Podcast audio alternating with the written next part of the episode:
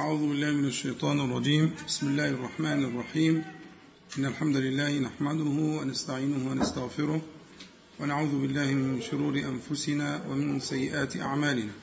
من يده الله فلا مضل له ومن يضلل فلا هادي له. وأشهد أن لا إله إلا الله وحده لا شريك له. وأشهد أن محمدا عبده ورسوله. اللهم صل على محمد النبي وأزواجه أمهات المؤمنين وذرياته وأهل بيته. كما صليت على آل إبراهيم إنك حميد مجيد. مش في سماعة لل...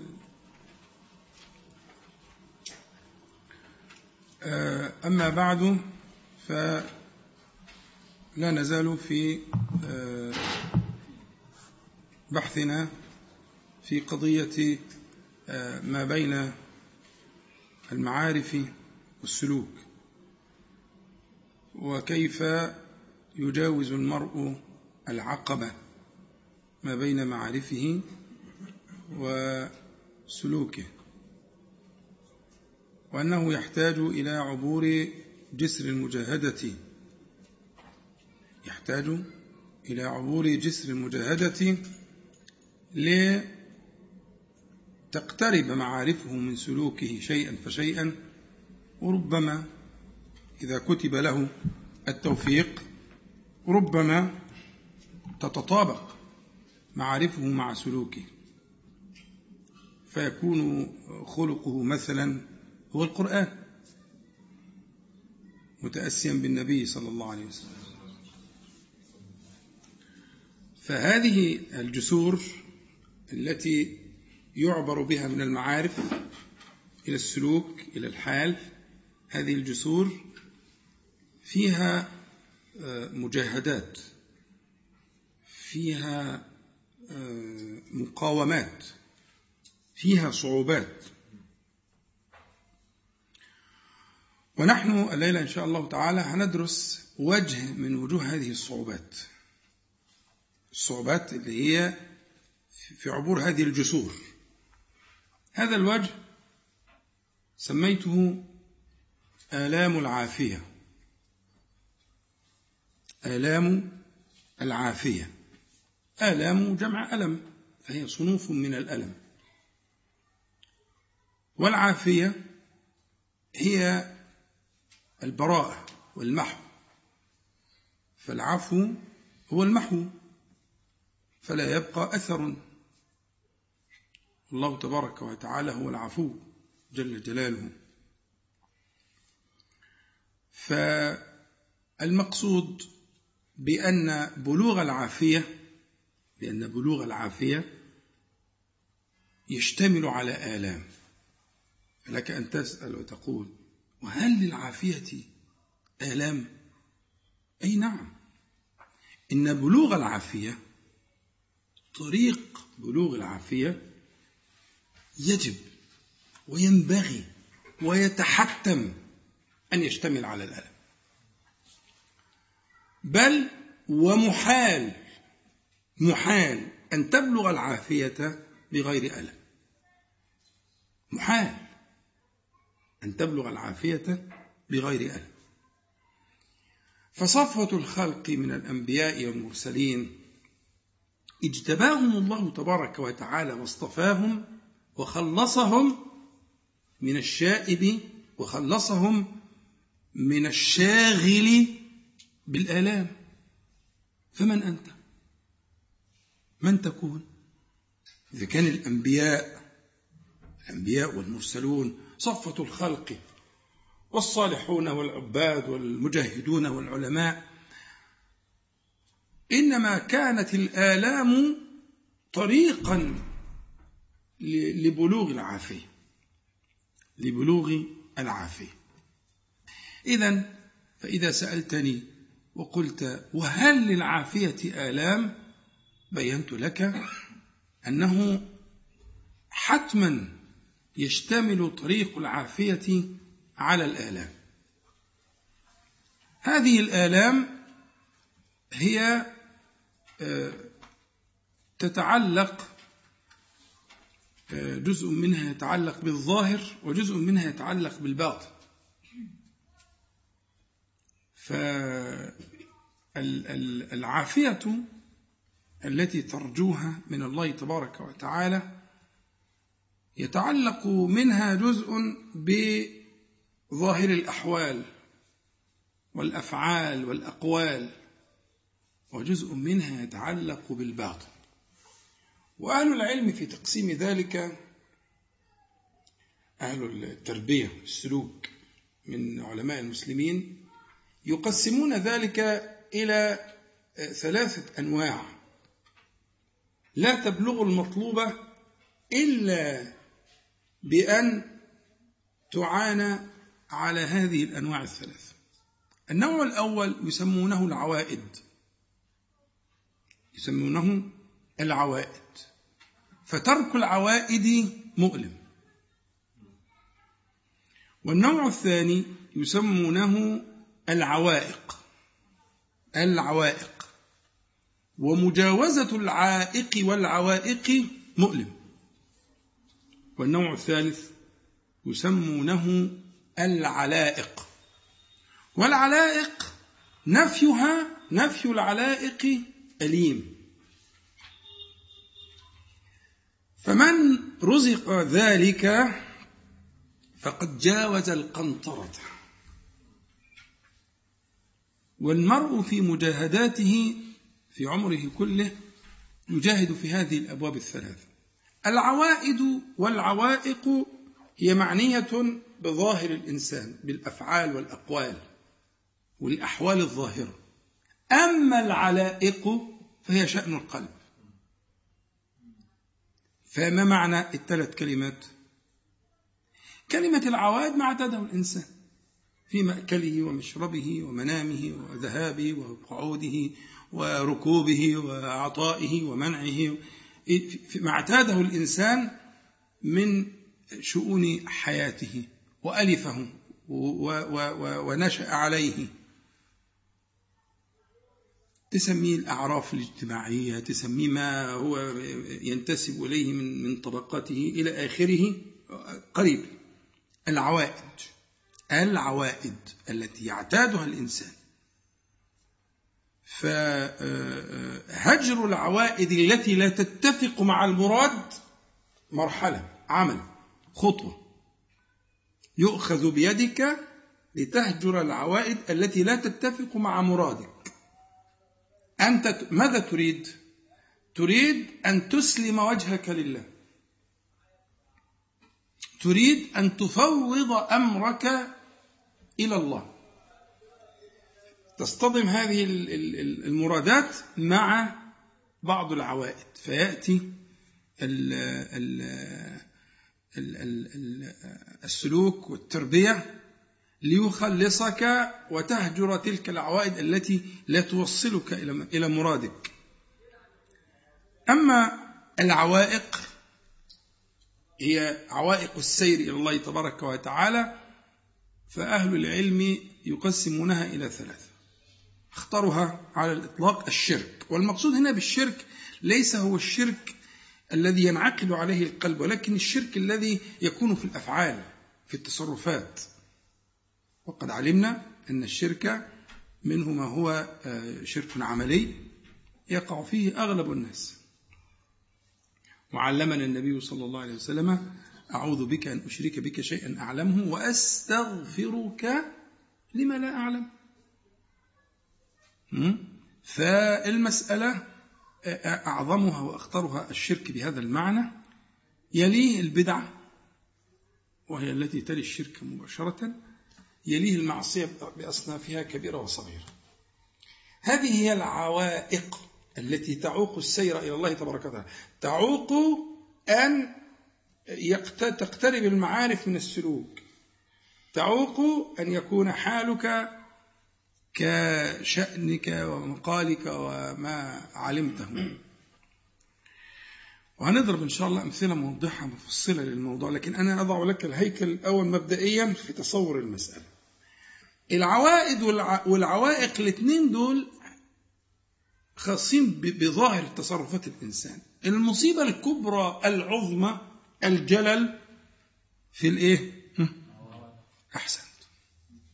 في العلائق. ليه؟ لأن العلائق, العلائق معناها ما تعلق القلب به من الأغيار من غير الله تعالى. كل ما تعلق القلب به من غير الله تبارك وتعالى يجمعونه في هذا الباب اللي هو باب الإيه؟ العلائق. وهنا تأتيك أقدار الله تبارك وتعالى لتقطع تلك العلائق. لو أنت سلمت أمرك لله سبحانه وتعالى واستسلمت لتربية الله لك ربنا سبحانه وتعالى هو الذي يربينا الرب. فإذا أسلمت نفسك على الحقيقة إليه سبحانه وتعالى ستجد هذه العلائق تقطع شيئا فشيئا. قطع هذه العلائق اللي هي تعلق القلب بها من غير الله تبارك وتعالى. فإن هذه الأشياء كلما قطعت قطع بعض العلائق كلما كان في أشياء من الألم. ولكنه ألم العافية. استخراج استخراج تمحيض التوحيد ألا ترى إلا الله سبحانه وتعالى يكون بين ركام وأشواك. أنت بتطلع حاجة صالحة. جوهرة نفيسة من بين ركام وأشواك. فخروجها من بين تلك الأشواك إنما يكون فيه من الألم. يكون فيه من هذا الاستخراج إنما يكون فيه من الألم. هذا حصل مع الأخيار. مع خيار خلق الله تبارك وتعالى. فيش حد. فيش حد. هيقول اهدنا الصراط المستقيم صراط الذين أنعمت عليهم. كل ما كل كل واحد هيقول الكلمة دي لازم يعي أن الذين أنعم الله عليهم هم الأنبياء وأصحابهم وخير أولئك جميعا بعد الأنبياء المرسلين هم أصحاب النبي صلى الله عليه وسلم. فصراطهم صراطهم الذي تسأل الله تبارك وتعالى كل يوم مرات ومرات صراطهم موضح ومبين وكان فيه من الآلام ما يعجب له المرء. فإذا قلت صراط الذين أنعمت عليهم فاذكر أن هؤلاء الذين أنعم الله عليهم هم الذين قال لهم في سورتين مدنيتين سورة البقرة وسورة محمد صلى الله عليه وسلم سورة القتال قال لهم سبحانه وتعالى ولنبلونكم بشيء من الخوف والجوع ونقص من الأموال والأنفس والثمرات. وبشر الصابرين. الكلام ده ده قرآن مدني. قرآن مدني. بعد آه، آه، سنين ثلاث عشرة سنة. سنين طويلة من الخوف الخوف اللي ما بعده خوف. وصل إلى حد القتل والطرد والتشريد بعد تلك السنين وبعد الهجرة وبعد ال ال ال الأرض والتمكين والنصرة الصحابة الأنصار رضي الله عنهم يقال لهم إيه؟ ولا نبلونكم بالمؤكدات العربية ولا نبلونكم بشيء من الخوف. طبعا التنكير والتنوين ومن التبعيضية كل ذلك يدل على على التقليل. يعني كأنه المعنى بشيء قليل. ها؟ لكن لابد منه. كلمة بشيء من الخوف تعني بالثلاث معاني اللي أنا ذكرتهم دول تعني نحن نتكلم عن قليل من. طب ولازمته إيه؟ لازمته أنت مش فاهم لازمته إيه. لن يتحرر هؤلاء الأخيار الذين اجتباهم الله تعالى واختارهم لنبيه صلى الله عليه وسلم. لن يتحرروا من عوائدهم من عوائقهم من علائقهم إلا بذلك بالتوكيد. طيب هو لما يكون واحد يتقال له في المستقبل ولنبلونكم ها؟ المضارع يفيد الحال والاستقبال. فيقال له إن ذلك سيحصل في المستقبل. طب إيه إيه المعنى؟ إيه المراد؟ إيه المراد نقول لك هضربك. سأضربك. سأصنع لك فخا. إيه المتحصل؟ إيه الفايدة لما أقول لك كده قبل ما يحصل؟ أنا عايزك تترقب. عايزك تترقب. هو لما أحكي لك عن حاجة حصلت ماشي. لكن أقول لك حاجة هتحصل سوف يكون سيحصل حتما. وجاي منين؟ من كلام رب العالمين سبحانه وتعالى ومشتمل على أدوات توكيد حتما سيكون. هيحصل هيحصل. استقبلوا في المدينة وأول ما استقبلوا في المدينة يكون من القرآن المدني ولا نبلونكم بشيء من الخوف. بشيء من الخوف. لا بد من حصوله. بالتوكيد المؤكدات. كأنه لا, لا يتم هذا الاجتداء وهذا الاصطفاء الذي أراده الله سبحانه وتعالى إلا أن يحصل هذا الابتلاء بالخوف. والخوف هو هو المرتبط بالزمان القابل. غير الحزن. يعني ما قالش سبحانه وتعالى لنبلونكم بشيء من الحزن. لا. الحزن لا. الحزن لا الحزن ده على اللي فات. لكن الخوف يكون من الآتي من المستقبل. ولذلك أهل الجنة منفي عنهم الاثنين. لا خوف عليهم ولا هم يحزنون. لكن هنا الوعد الإلهي بالحصول المؤكد بحصول إيه؟ الخوف. الخوف اللي هو من المستقبل. لا بد من شيء قليل. اتفقنا بقى إن شيء هنا كان معنى قليل. شيء قليل من ذلك ليكتمل هذا الإصلاح لهذه العصابة المميزة في التاريخ البشري. عايز تدرس الكمال البشري كمال الجموع البشرية كمال الجموع البشرية هم الصحابة رضي الله عنهم. فالله تبارك وتعالى لما هاجروا قيل لهم لا بد من حصول ذلك بشيء من الخوف والجوع إلى آخر الآية. ودي آية مدنية. عندنا في سورة محمد ولنبلونكم حتى نعلم المجاهدين منكم والصابرين ونبلو أخباركم. برضو مدنية. وتوكيد. ونفس المدخل. وهنا بقى في غاية البلاء. هنا في الغاية. كلمة حتى دي حتى الغائية. يعني سيستمر البلاء إلى. معناها كده. طيب. ولنبلونكم حتى نعلم. طبعا نعلم دي إذا ضيفت لنون العظمة. الله تبارك وتعالى يعلم ما كان وما هو كائن وما سيكون. هنا العلم بيسموه علم الإظهار. للغير للخلق ليكم. لكن مش لله سبحانه وتعالى. علم يسبقه جهل ده يخصنا إحنا لكن علم الله سبحانه وتعالى علم محيط لا يسبق بجهل حاشاه جل جلاله. يبقى حتى نعلم المجاهدين منكم يبقى حتى إيه؟ نظهر علم الإظهار ليكم.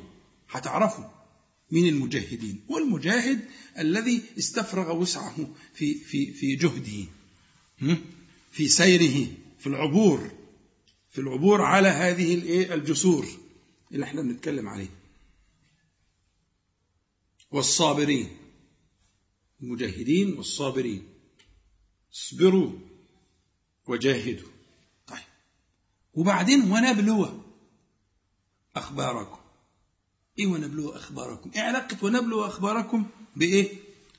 ولا نبلونكم علاقة نبلو أخباركم بنبلونكم هي علاقة الخاص بالعام.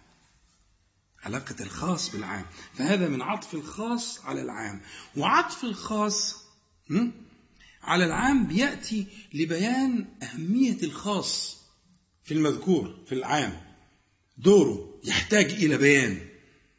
فيذكر العام ثم يذكر بعضه بعض أبعاضه أفراده بعض أفراد هذا الإيه؟ هذا العام يذكر لأهمية الإيه؟ تلك الأفراد في المراد. في الكلام. طيب. الكلام لنبلونكم حتى. جميل. وبعدين نبلو أخباركم. إيه أخباركم؟ أخباركم جمع خبر والخبر هو الحقيقة. حقيقة الشيء. يقول خبرته. يعني جبت آخره. عرفت قعر المسألة. عرفت الحقيقة. فسيستمر. سيستمر هذا البلاء حتى تستخرج الأخبار. ونبلو أخباركم. الكوامن المستقرة ولا يقدر على ذلك إلا الله. ولا يعلم ذلك إلا الله. جل جلاله. ويتعاد العامل مرة تانية. ونبلو أخباركم. للتنبيه على خطر المسألة. حتما سيكون وجهك تلك كذلك آية مدنية. في سورة محمد صلى الله عليه وسلم سورة القتال سورة مدنية. استثناء آية واحدة مختلف فيها لكن السورة كلها مدنية. وسورة البقرة مدنية. تمام؟ إذا لما ذهبوا إلى المدينة قيل لهم حتما لا بد من أن يمر ذلك حتما لا بد أن يمر ذلك من هذه آه، المعايير التي يستخرج بها ما يكون من الايه من الإيمان. الصحابة الكرام رضي الله عنهم مروا بذلك. بس إحنا لازم نلتفت. زي ما قلنا قبل كده إن آه، آه، الإيمان أصله الإيمان بأسماء الله تعالى وصفاته.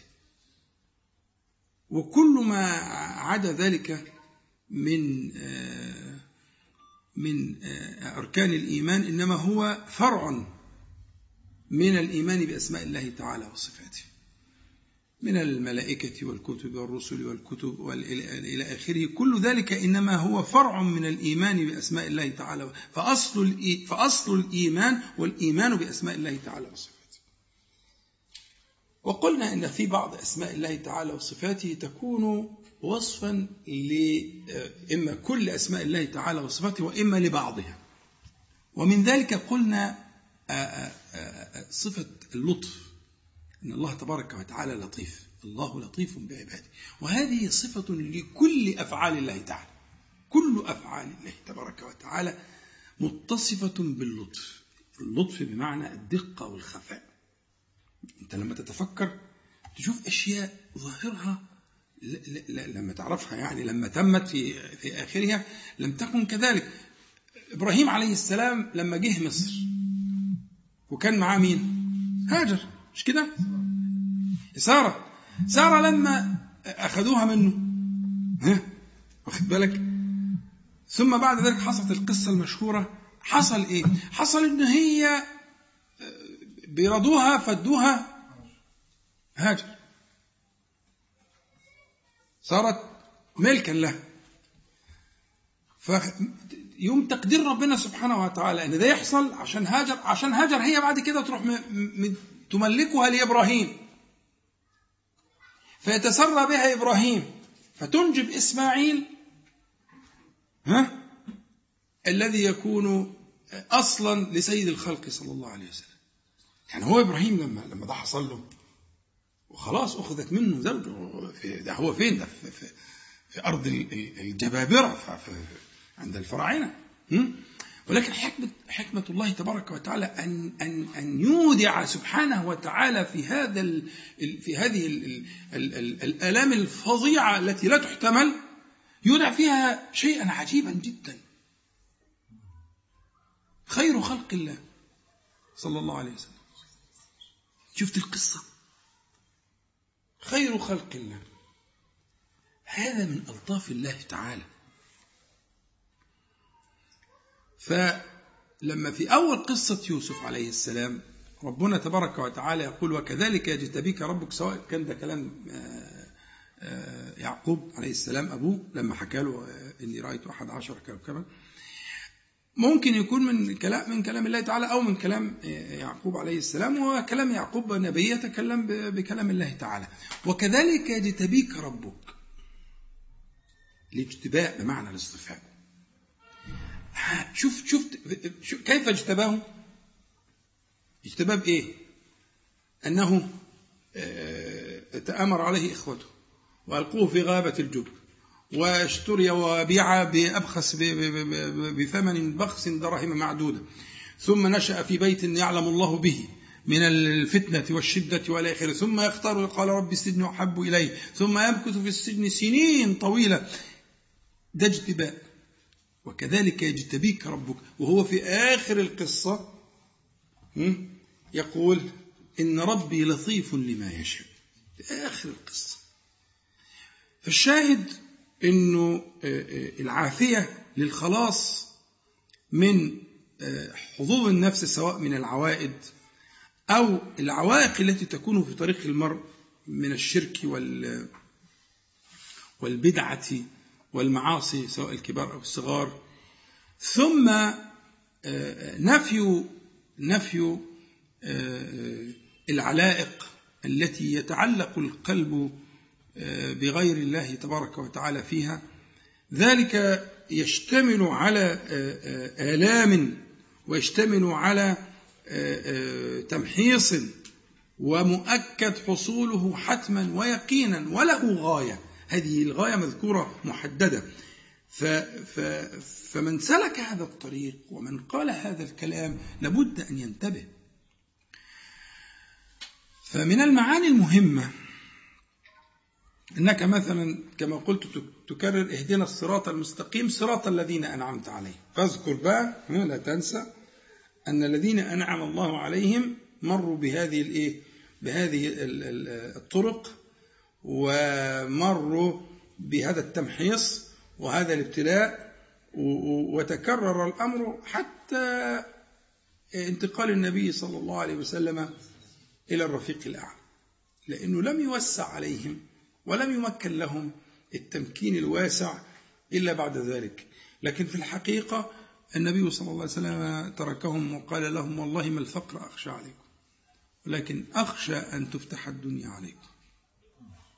فهي الفكرة إنه ظل الأمر أغلب عمر النبي عليه الصلاة والسلام في الدعوة أغلب ال 23 سنة كان الشأن كذلك. فالشاهد أن هذا الأمر أمر مستمر.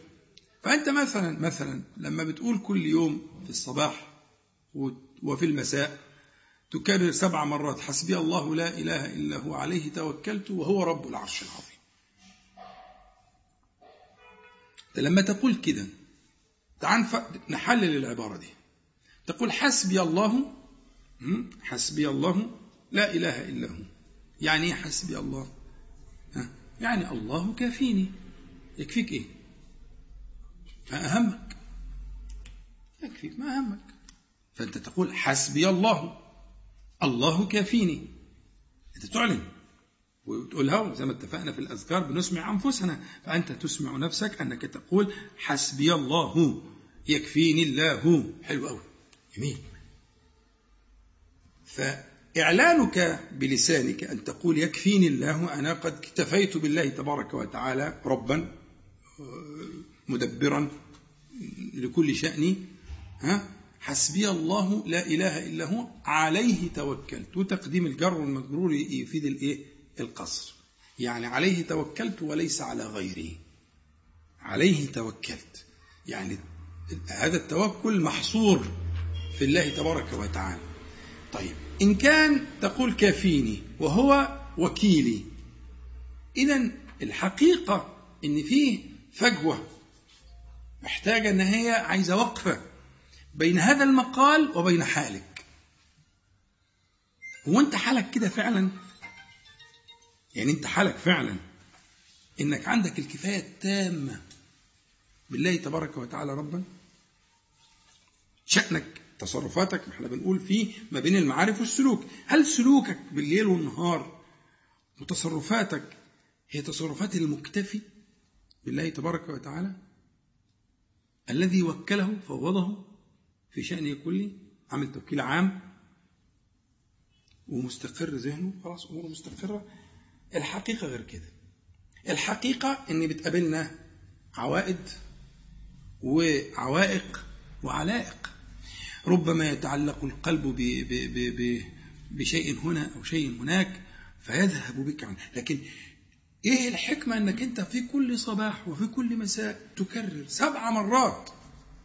سبع مرات تكرر. ما فوقتش في الأولى. لعلك تفوق في الثانية ما فوقتش في الثانية فوق في الثالثة هي فكرة التكرار ليه؟ التكرار كل يوم كل يوم صباح ومساء صباح ومساء. وفي المرة تقول سبع مرات. ليه؟ عشان إيه؟ أنت محتاج المسألة دي جدا. محتاج لتصحيح هذا السير من البداية. للتوجيه إن فعلا قضية حسبي الله يكفيني حكاية الكفاية هذه الكفاية أنا مكتفي بالله سبحانه وتعالى.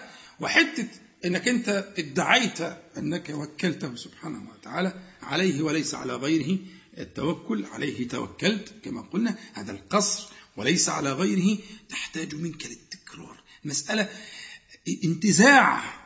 عملية انتزاع مستمرة في الصباح وفي المساء. عملية انتزاع مستمرة في اهدنا الصراط المستقيم. صراط الذين أنعمت عليهم. عايزهم يحضروا. وانت, وانت تقرأ الفاتحة. خلي الذين أنعمت عليهم يحضروا. خليهم يحضروا. الصحابة الكرام شوف أحوالهم كانت إيه. أحوالهم من الخوف ومن الفزع ومن نقص الأموال والأنفس والثمرات و... هم دول. هؤلاء الذين في كل صلاة تسأل هديهم. في كل صلاة. أنت بتقول كده. أنا مشكلتي في سد هذه الفجوة بين المعارف بين الكلام بين العلم وبين السلوك.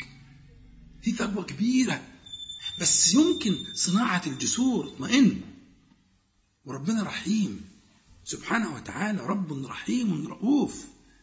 حنان فهذه الجسور يمكن عبورها كما عبرها الأولون بنفس الطريقة اللي هو أنت تعبر من هذه المعارف العظيمة الجليلة أن يكون شأنك كذلك يأخذ بيدك شيئا فشيئا. وكذلك يجتبيك بالمضارع يجتبيك مش اجتباك يجتبيك المضارع. الأمر في استمرار وكذلك يكون الشأن لك. ها؟ فلما تكرر في كل صباح وفي كل مساء وتكرر في في كل صلاة هي في الحقيقة تأكيد على المعنى ده وتنبيه أن تعود إلى الله تبارك وتعالى في مسألة أن تذكر أن ما يأتيك من تلك الآلام إنما هو في الحقيقة اصبر. هذه آلام العافية. قضية قضية الرزق قضية القضايا الشاغل الدائم. مش كده ولا إيه؟ تمام. هذه القضية لو لو أجريت عليها تلك القاعدة لو أجريت عليها تلك القاعدة لوجدتها قد أنارت. ربما تكون معبرا إلى الله تبارك وتعالى. ما فيش بعده إحنا قلنا في الأذكار ما بين السجدتين. وارزقني. مش بتقول كده؟ اغفر لي وارحمني واهديني. بتقول وارزقني. طيب. فهمك لهذه القضية على ضوء ما نتكلم إنه في الحقيقة إن الرزق وما يتعلق به من الغنى هو في الحقيقة مستقر في قلبك. مسألة مش بكثرة العرض. بدليل إن النبي عليه الصلاة والسلام لما جرد المسألة خالص قضية ابن آدم بقى متجردا عن عن الدين والمعارف لو أن لابن آدم واديا من ذهب لتمنى أن يكون له واديا هو ده ده أنا وأنت. أنا وأنت. حينما نتجرد. أنا وأنت. حينما نتجرد وادي الذهب ما يملاش عينيه وادي ذهب إيه وادي ذهب ده؟ فوق الخيال يعني فوق التصور العقلي. وادي الذهب ما يملاش عيني. كبني آدم. لو أن لابن آدم وادي من ذهب لتمنى أن يكون له واديا. ولا يملأ عين ابن آدم إلا التراب. مفيش منتهى. يعني مش اتنين, اتنين وادي ثلاثة وادي عشرة وادي. لا لا لا لا لا لا, لا, لا كده. ولا يملأ عين ابن آدم إلا التراب. ويتوب الله على من تاب. ارجع ارجع ارجع للحقيقة. الحقيقة اللي بتتقال لك دي. الحقيقة أسألك الهدى والتقى والعفاف والغنى. دي الحقيقة. غنى إيه؟ غنى في الحديث الصحيح. إنما الغنى غنى القلب. يعني استغناؤك بالله تعالى. عايز الغنى؟ الذي سأله النبي صلى الله عليه وسلم هو ده. هو ده. والعفاف والغنى. إن شئت الغنى اللي أنت بتدور عليه هذا هذا هذا هو المطلوب لك اللائق بك. بأهل الإيمان يتعلموا ذلك. القصة آه، والعفاف والغنى. الغنى. أي غنى تقصد؟ هو هو هو هو عليه الصلاة والسلام. اللي قال لي ده هو اللي قال لي ده. عليه الصلاة والسلام. قال لي إيه؟ قال لي إنما الغنى وإنما ده تفيد القصر عند أهل اللغة يعني الغنى وما فيش غنى تاني. الغنى بالألف واللام. إنما الغنى غنى القلب. يعني اللي ما عندوش غنى قلب فقير. ولو بيديه مال الدنيا. اللي مش مستغني بالله سبحانه وتعالى فقير. إذن أنت لما تسأل ربك سبحانه وتعالى وتفوض إليه بلطفه الخفي أن يجري ما شاء من الأقدار هيكون مبني على أنه فيه تخليص للنفس البشرية زي ما اتفقنا زين للناس حب الشهوات إلى آخر من النساء إلى آخر آية سورة آل عمران. طيب هو هنا الإنسان بني آدم مزين له عشان هو ده الابتلاء. فالانتزاع عملية الانتزاع دي عملية التخليص عملية استخراج هذه العبوديات عملية العافية لهذا الإنسان من هذه الابتلاءات مؤلمة. هو أصلا كده أنا وأنت كده. أنا وأنت زين لنا ذلك. هنا الموضوع مفروغ منه دي, دي فطرة خلق. إحنا كذلك. عشان كده في جنة ونار. الملائكة ما عندهاش الكلام ده. الملائكة لا بتحب المال ولا بتحب النساء ولا بتحب الحرث ولا بتحب الخير ولا بتحب حاجة ولا بتحبش الكلام من ده أصلا. ولذلك الملائكة لا تختبر. ما فيش مش مبتلاه لكن أنا وأنت أنا وأنت لازم نحب الدنيا. اوعى تفتكر إن مفيش حد يبقى مش مبتلى. يجي على جنب. لكن زين للناس كل البشر. بالك؟ فلا تزال العافية بك تستخرج هذه العلائق أخطر ما في الموضوع العلائق. تستخرج تستخرج تعلق القلب بالفاني وتستبدله بالباقي بألم.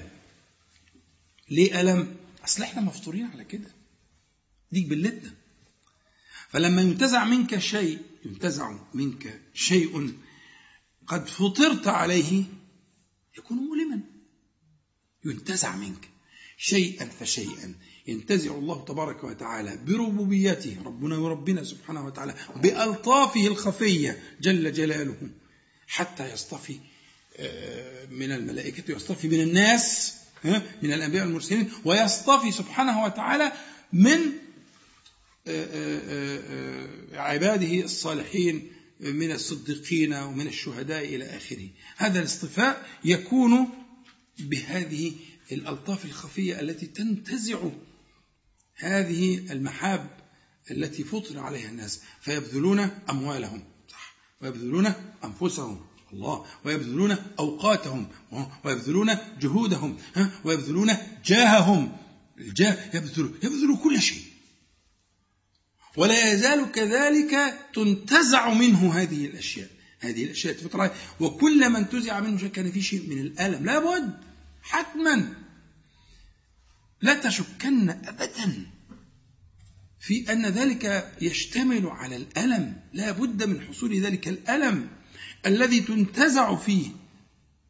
وفكر في يعني حالك في أحوالك الخاصة. وكما قلت لك المعاش العيال التعليم المدارس الإيجار السيارة المصاريف الحياة الأشياء الأشياء اللي هي الليل والنهار دي. يا ابني افهم كل ذلك بقدر الله تعالى ومن خلقه. ما تنشغلش بالوسائط عشان هيشتتوا ذهنك. كل ما يأتيك مما تحب ومما تكره إنما هو من فعله سبحانه وتعالى. وبقوته وبقدره. ولا يكون شيء في كونه إلا بإرادته سبحانه وتعالى وبقوته جل جلاله. بس خلي بالك وبحلمه وبلطفه وبرحمته وبحكمته جل جلاله. اصحى. يبقى إذا لما تيجي لك الحاجة من الأشياء دي قف معها وقفة المتأمل المتفكر وانظر في مراد الله تعالى منها. ولو شاء الله ما فعلوا والله ما كان هيكون. لكنه شاء. ففعلوه عشان بقى اللي يخش الجنة يخش الجنة واللي يخش النار يخش في ستين داهية. ما يلزمناش لكن ولو شاء الله ما ولو شاء ربك ما فعلوه. فذرهم وما يفترون. الأنعام صح؟ اعلى بذهنك وبفهمك. صح. اللي عمل حاجة طيبة هياخدها واللي عمل حاجة دي على دماغه مش قضيتي. أنا قضيتي أخطر من كده بكتير. أنا قضيتي إن ده بيهمني الليل والنهار ده شاغلني الليل والنهار. شغلك الليل والنهار لأنه في الحقيقة أنت لم ترى ما بعده.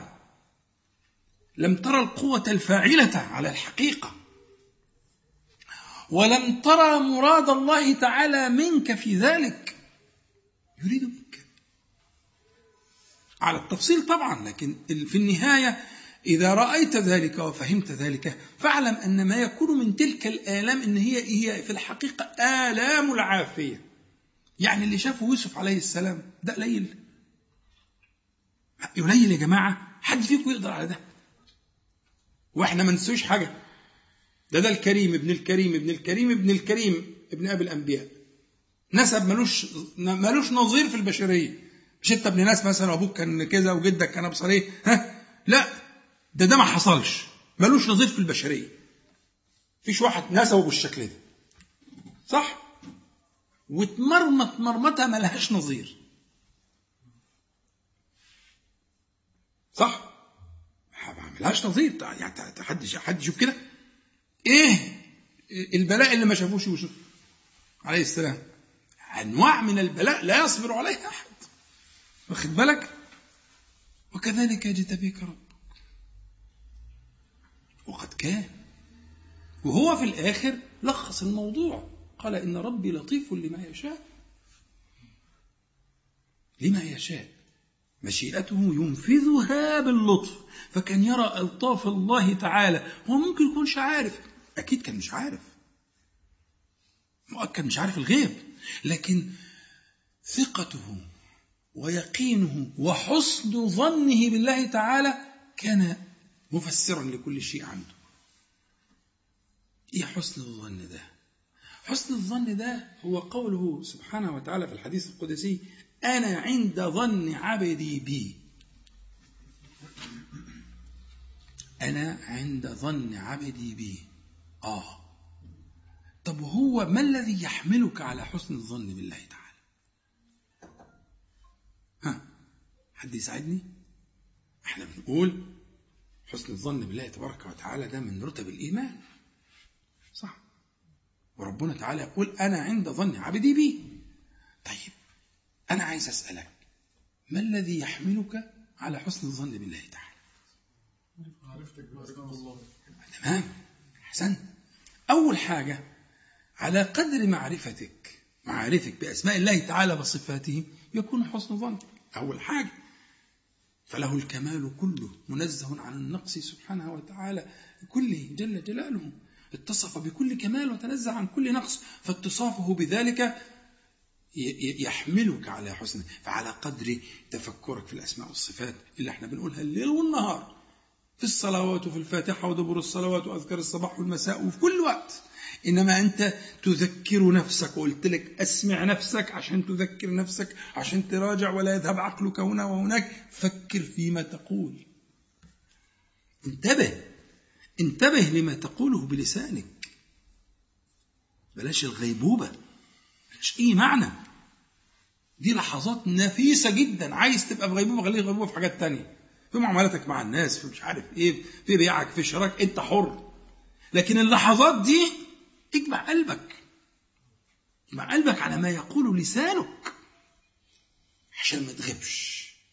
عشان تقول عشان تحسن الظن بالله سبحانه وتعالى. ثم تحسن الظن بالله تبارك وتعالى في لأفعاله. لسوابق إحسانه.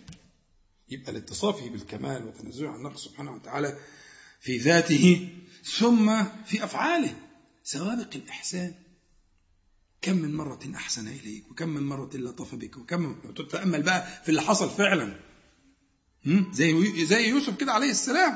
إن ربي لطيف لما شاء. هو شاف ال شاف ال ال ال حلل بقى الأحداث كلها ووصل للنتيجة اللي إيه؟ وقد أحسن بي إذ أخرجني من السجن وجاء بكم من البدو من بعد أن رؤية رؤية تحليلية للقصة. من بعد أن نزغ الشيطان بيني وبينكم إن ربي لطيف لما يشاء. بس هو كان موقن جملة من غير تفصيل ولا بيان. ها؟ موقن بكده واخد بالك؟ وفي الآخر فأنت كذلك عندك من أفعال الله تعالى بك ومن سوابق إحسان الله تعالى بك ها؟ ما يجعلك تحسن الظن به.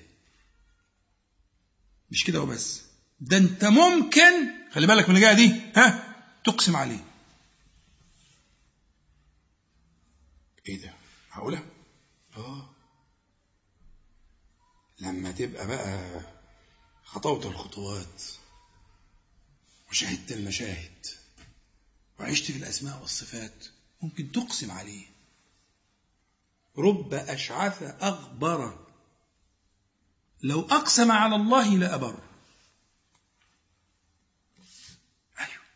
ممكن شكله كده ما يجيبش. بس بينه وبين الله تعالى عمار. ويصل الإدلال به أن يقسم على الله تعالى. ها ويبر. يبر سبحانه وتعالى. يعني أيوه ممكن. مش حكاية بقى ده, ده إحنا عدينا المسألة بكتير. بس هنا أول الطريق كما أقول لك انتبه. إلى أن هذا الكون كله من الحكم والأسرار وأن لكل ما تراه كل ما تراه وما لا ترى طبعا كل ما تراه هو مقتضى الأسماء والصفات. هو من حلمه هو من عفوه هو من قدرته هو من كمال علمه هو من من رحمته هو من حنانه سبحانه وتعالى. كل اللي انت شايفه ولا ما انت شايف لكن الغفلة عن ذلك فهي اللحظات اللي إحنا بنتكلم عليها دي هي هي دي هي دي مفاصل القضية. وهي لحظات في اليوم والليلة إحنا مش بنتكلم عيش يا عم زي ما انت عايش شوف مصلحتك. لكن لما تيجي اللحظات دي ما تضيعهاش. ما تضيعش اللحظات دي. دي دقائق. اليوم 24 ساعة أنا بكلمك في دقائق. دقائق هتصلي فيها دقائق هتقعد تذكر فيها بعد الصلاة دقائق هتقول فيها أذكار الصباح والمساء. هتغير مجرى حياتك. ستنشئ لك تلك الجسور وتعبر وترى تلك الآلام آلام جميلة جدا. هتفرح بيها. لو فهمت. لو فهمت. يسلط عليك واحد مجرم.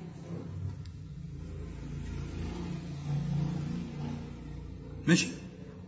لو انت فاهم هتفرح. ليه؟ يستخرج منك شيئا لا يخرج إلا بذلك. ربنا يريد أن يرفعك إلى رتبة ما تخطرش على بالك. لدعوة حد دعالك بيها أو أنت دعيتها أو في لحظة صدق قلت حاجة فربنا استجاب. سبحانه وتعالى. مشيئته. فيريد أن يخلصك. اتكلمنا على المال والعيال والبتاع لا في أباء الأنح سلط عليك مجرم.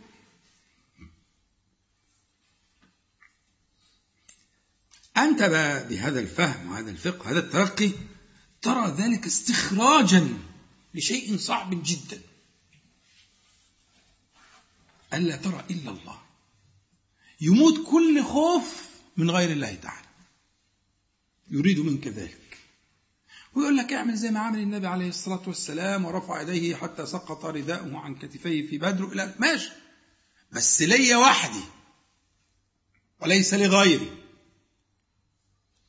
خلاص؟ هاخد بالأسباب. بس الأسباب لي وحدي.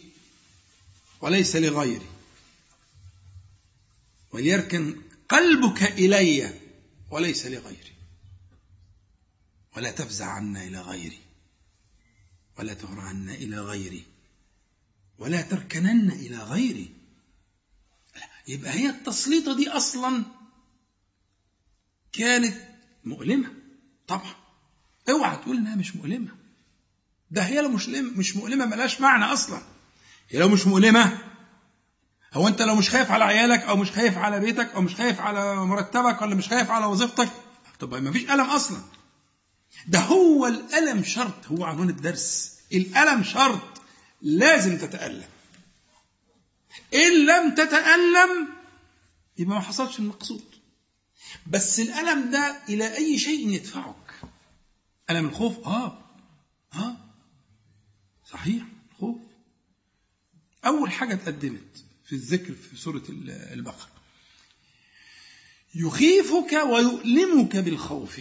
سبحانه وتعالى. علشان إيه؟ عشان يجتبيك يا أخي. ونبلو أخباركم. عشان يطلع الخبر المستقر اللي في القاع. الذي لا يخرج إلا بذلك. خدت بالك؟ فعشان تبلغ كده افهم بقى. عي عن الله تعالى. يبقى أنا لما أقول سلط عليك واحد مجرم لا يرقب فيك إلا ولا ذمة.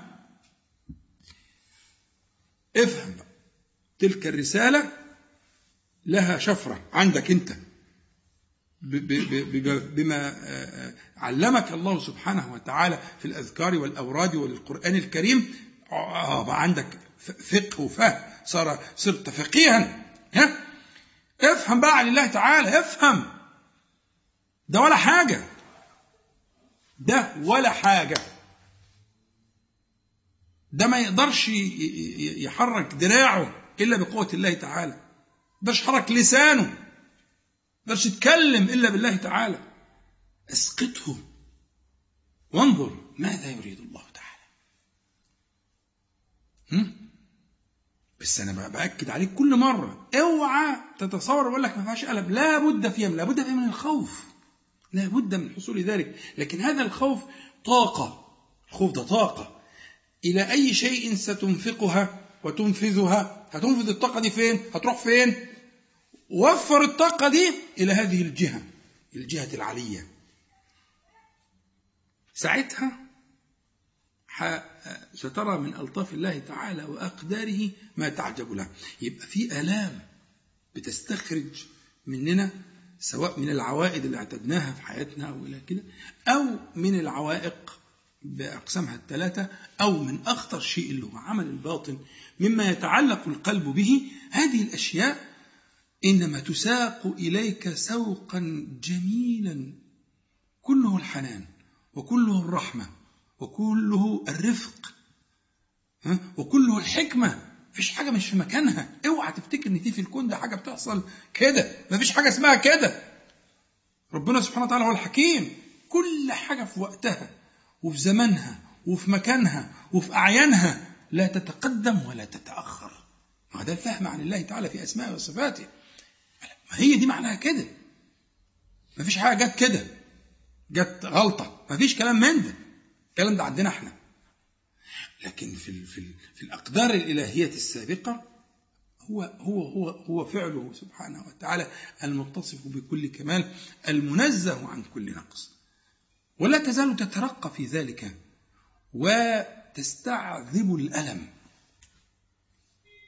هذه الألام تبقى طاقة إيجابية زي ما بيسموها في المصطلحات المعاصره تتحول إلى طاقة إيجابية. الألام دي إنما يستخرج منك عبودية الآن. بذلك الألم بذلك الخوف. الخوف على العيال أو الخوف على مش عارف أو الخوف من كذا إنما يستخرج منك طاقة. فاهرع إليه سبحانه وتعالى. واسجد واقترب. والدرس ده لو وعاه الناس لتغيرت أحوال الناس. زي الصحابة تعرضوا للأهوال. لكن ما زادهم ذلك إلا صلابة وظهرت المعادن النفيسة والمعادن ما بتظهرش إلا في الحرارة. المعادن النفيسة معادن الصحابة رضي الله عنهم هم هم المثال الحي لهذا الذي نقول. تعرضوا لتلك الآلام والآلام المبرحة ولكن ما خرج منهم إلا ما يرضي الله تبارك وتعالى ورسوله صلى الله عليه وسلم. إذا فالقضية التكرار يا اخوانا زي ما قلت أنا قلت لكم اهدنا الصراط المستقيم. قلت لكم حسبي الله لا إله إلا هو عليه توكلت وهو رب العرش العظيم. التكرار مهم جدا. يعني أنت آخر حاجة تنطقها اللي متبع سنة النبي عليه الصلاة والسلام آخر كلمة بينطقها قبل ما يموت الموت الصغرى اللي هو النوم بيقول اللهم أسلمت نفسي إليك. وفوضت أمري إليك وألجأت ظهري إليك. لا ملجأ ولا منك إلا إليك. ده آخر حاجة اللي أنت بتختم أنا قلت أذكار النوم كلها. آخر حاجة في أذكار النوم أنت بتقول أسلمت نفسي إليك. هو يعني إيه أسلمت نفسي إليك؟ فوضت أمري إليك وألجأت ظهري إليك. يعني إيه؟ يعني هذا الذي ندندن حوله. فإسلام النفس لله تبارك وتعالى هي قضية التسليم. يعني أنت تسلم لله سبحانه وتعالى يفعل ما يشاء وتعلن ذلك في آخر وتكرر كل ما تيجي تنام كل ما تيجي تنام دعاؤك وذكرك آخر وليكن ذلك آخر ما تقول. فآخر ما تقول إذا قلت ذلك وأنت التكرار اليومي هذا التكرار اليومي تختم يومك بإسلام النفس وتفويض الأمر وإلجاء الظهر إليه سبحانه وتعالى. لا إلى غيره. وهنا في الحالة دي هو التأكيد على هذه القضية. يفعل ما يشاء. فكل ما يأتيك منه عافية. أدرك من أدرك. وذهل من ذهل. علم من علم. وجهل من جهل. أنتوا بقى لازم تفهموا. انت انت بتكرر كل ليلة بتقول الكلام ده. إسلام النفس وتفويض الأمر وإلجاء الظهر له سبحانه وتعالى معناه إيه؟ ماليش غيرك. ماليش غيرك. وأسلمت كل نفسي نفسي التي بين أسلمتها لك. وبالتالي هذا التكرار لهذا المعنى هتلاقيه في الصلوات وتلاقيه في الصباح وتلاقيه في المساء وتلاقيه عند النوم وتلاقيه باستمرار باستمرار عملية تأكيد مستمرة. انتبه بقى يا أخي. حرام عليك نفسك. والكلام ده كله بيتقال كده من غير أي مردود ولا أي فقه ولا أي معنى. هو النبي عليه الصلاة والسلام علمه لك ليه؟ خليك زي الصحابة.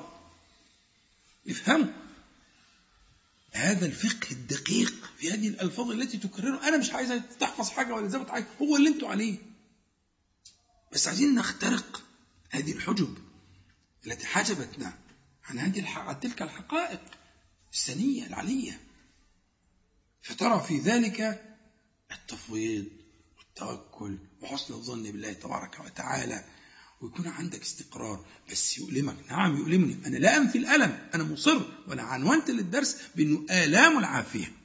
أنا لا لكن ده الألم ده ممكن يكون طاقة إيجابية. المشكلة أن يتحول إلى طاقة سلبية. يأس قنوط انقطاع. مش عارف. فتحنا بقى الأبواب للشياطين. أعوذ بالله من الشيطان الرجيم. لكن أنا عايز يبقى طاقة إيجابية. الألم ده يبقى بهذا الفقه وذلك الفهم يدفعك إلى الله تبارك وتعالى.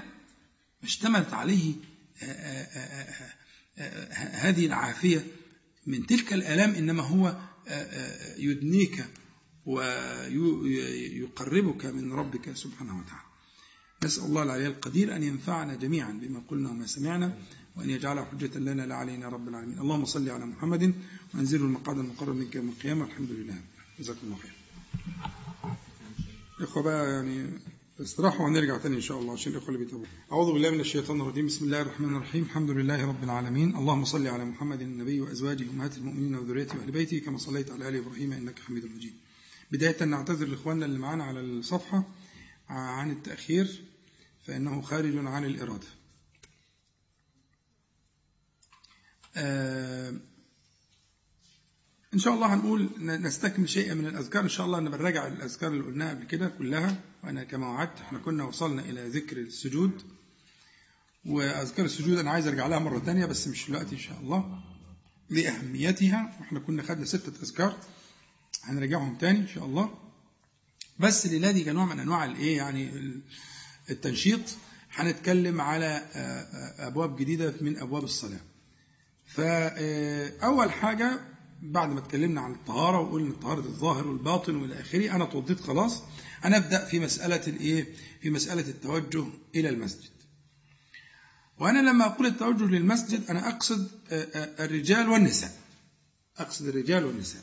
وأنا قلت إنه من السنة أن تتخذ المساجد في البيوت. المساجد في البيوت. والمساجد مقصود به مكان السجود يعني سجادة الصلاة.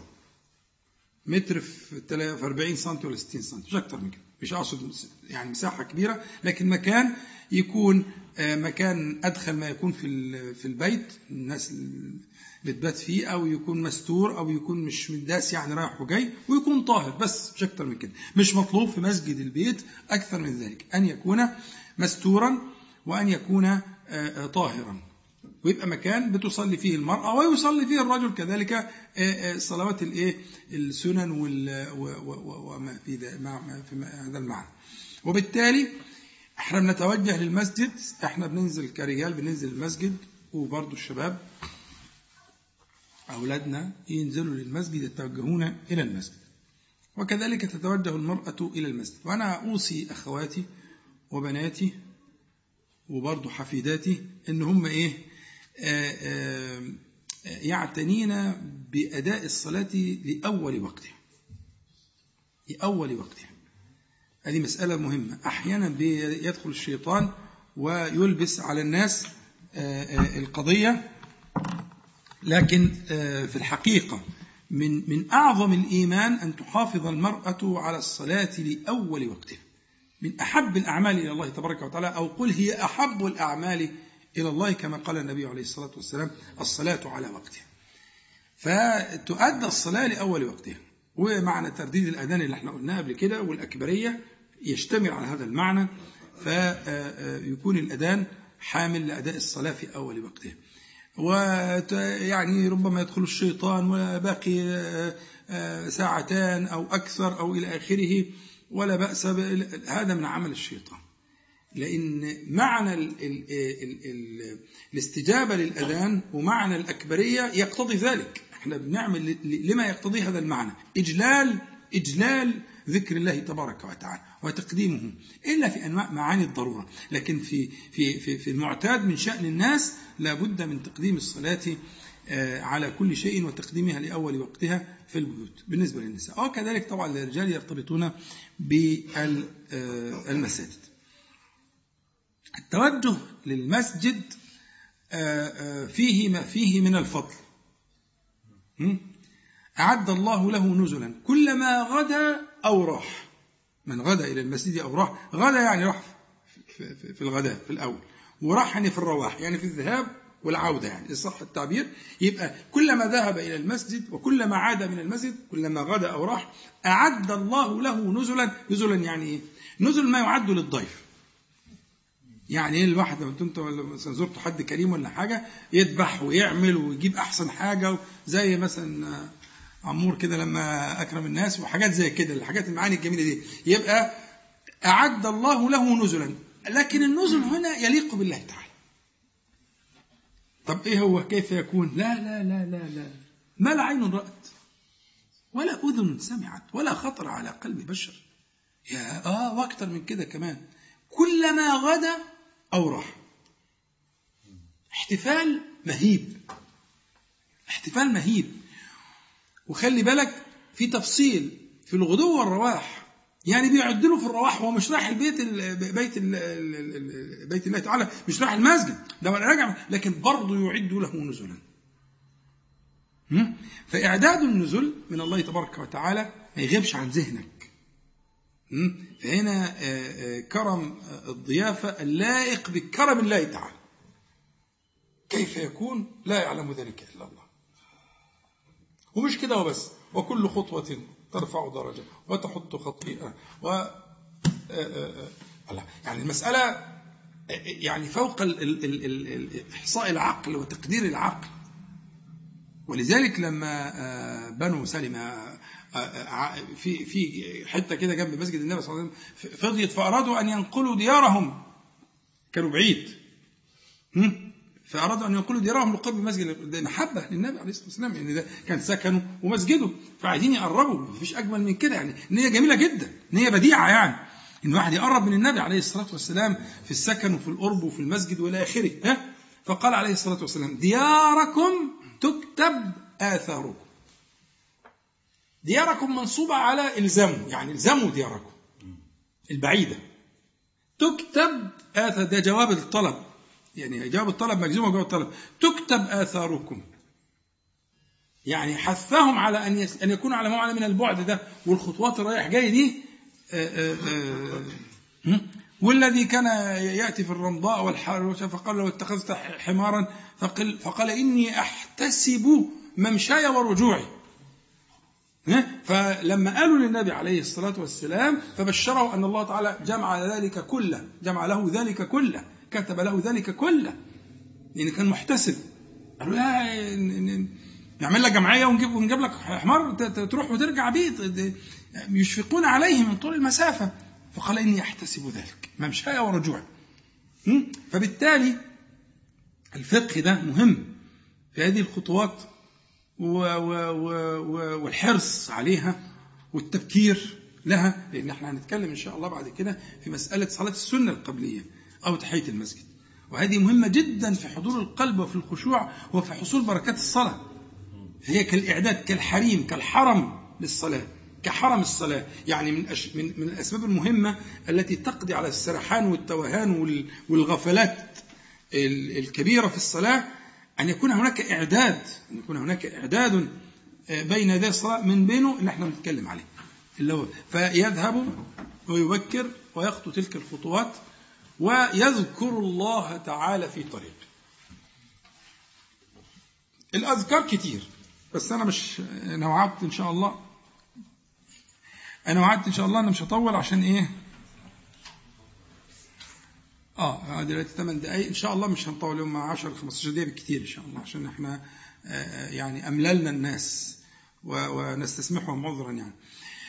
فالاذكار آه، آه، كتير وإن شاء الله هشرحها ذكر ذكر وكلمة كلمة لأهميتها. وأنت ماشي بتقول إيه؟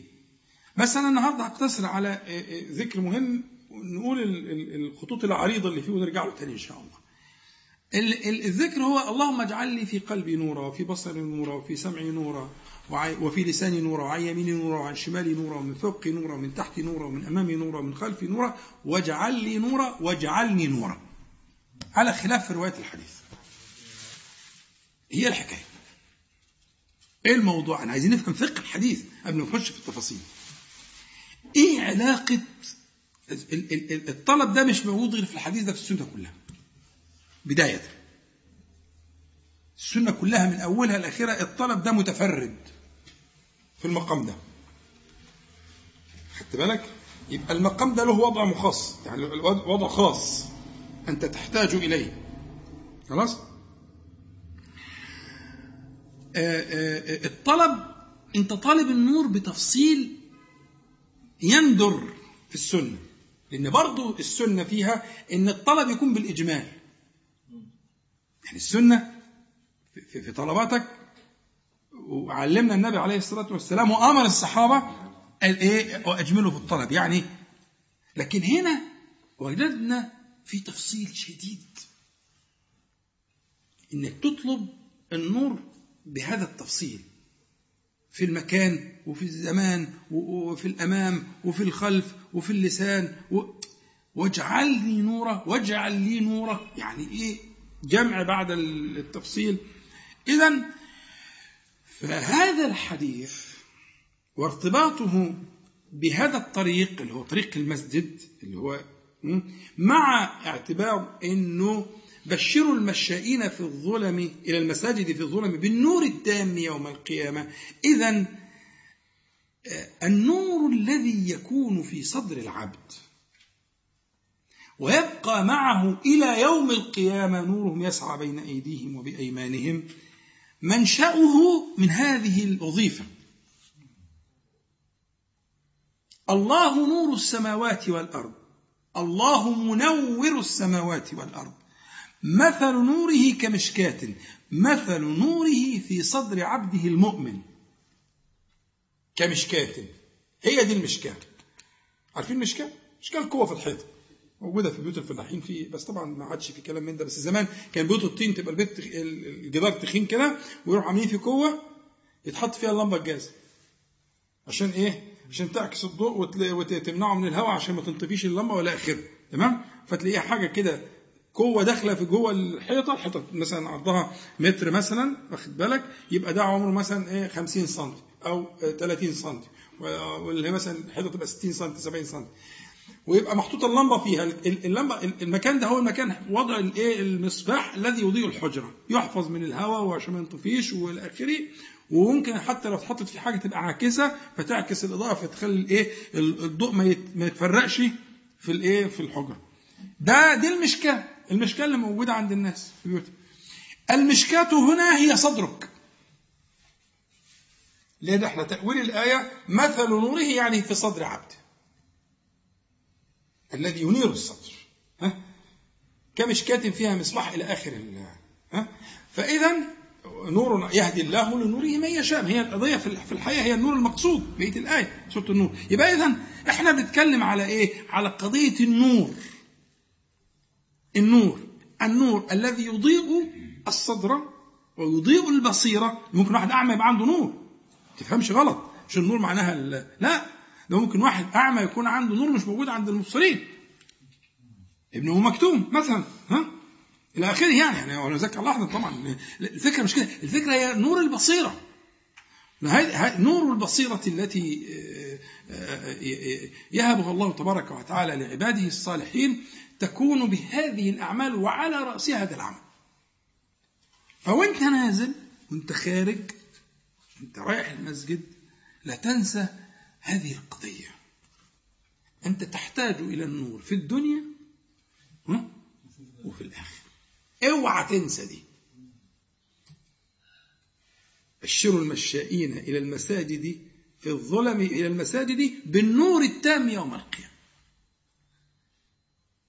هو ده جزاء الإحسان.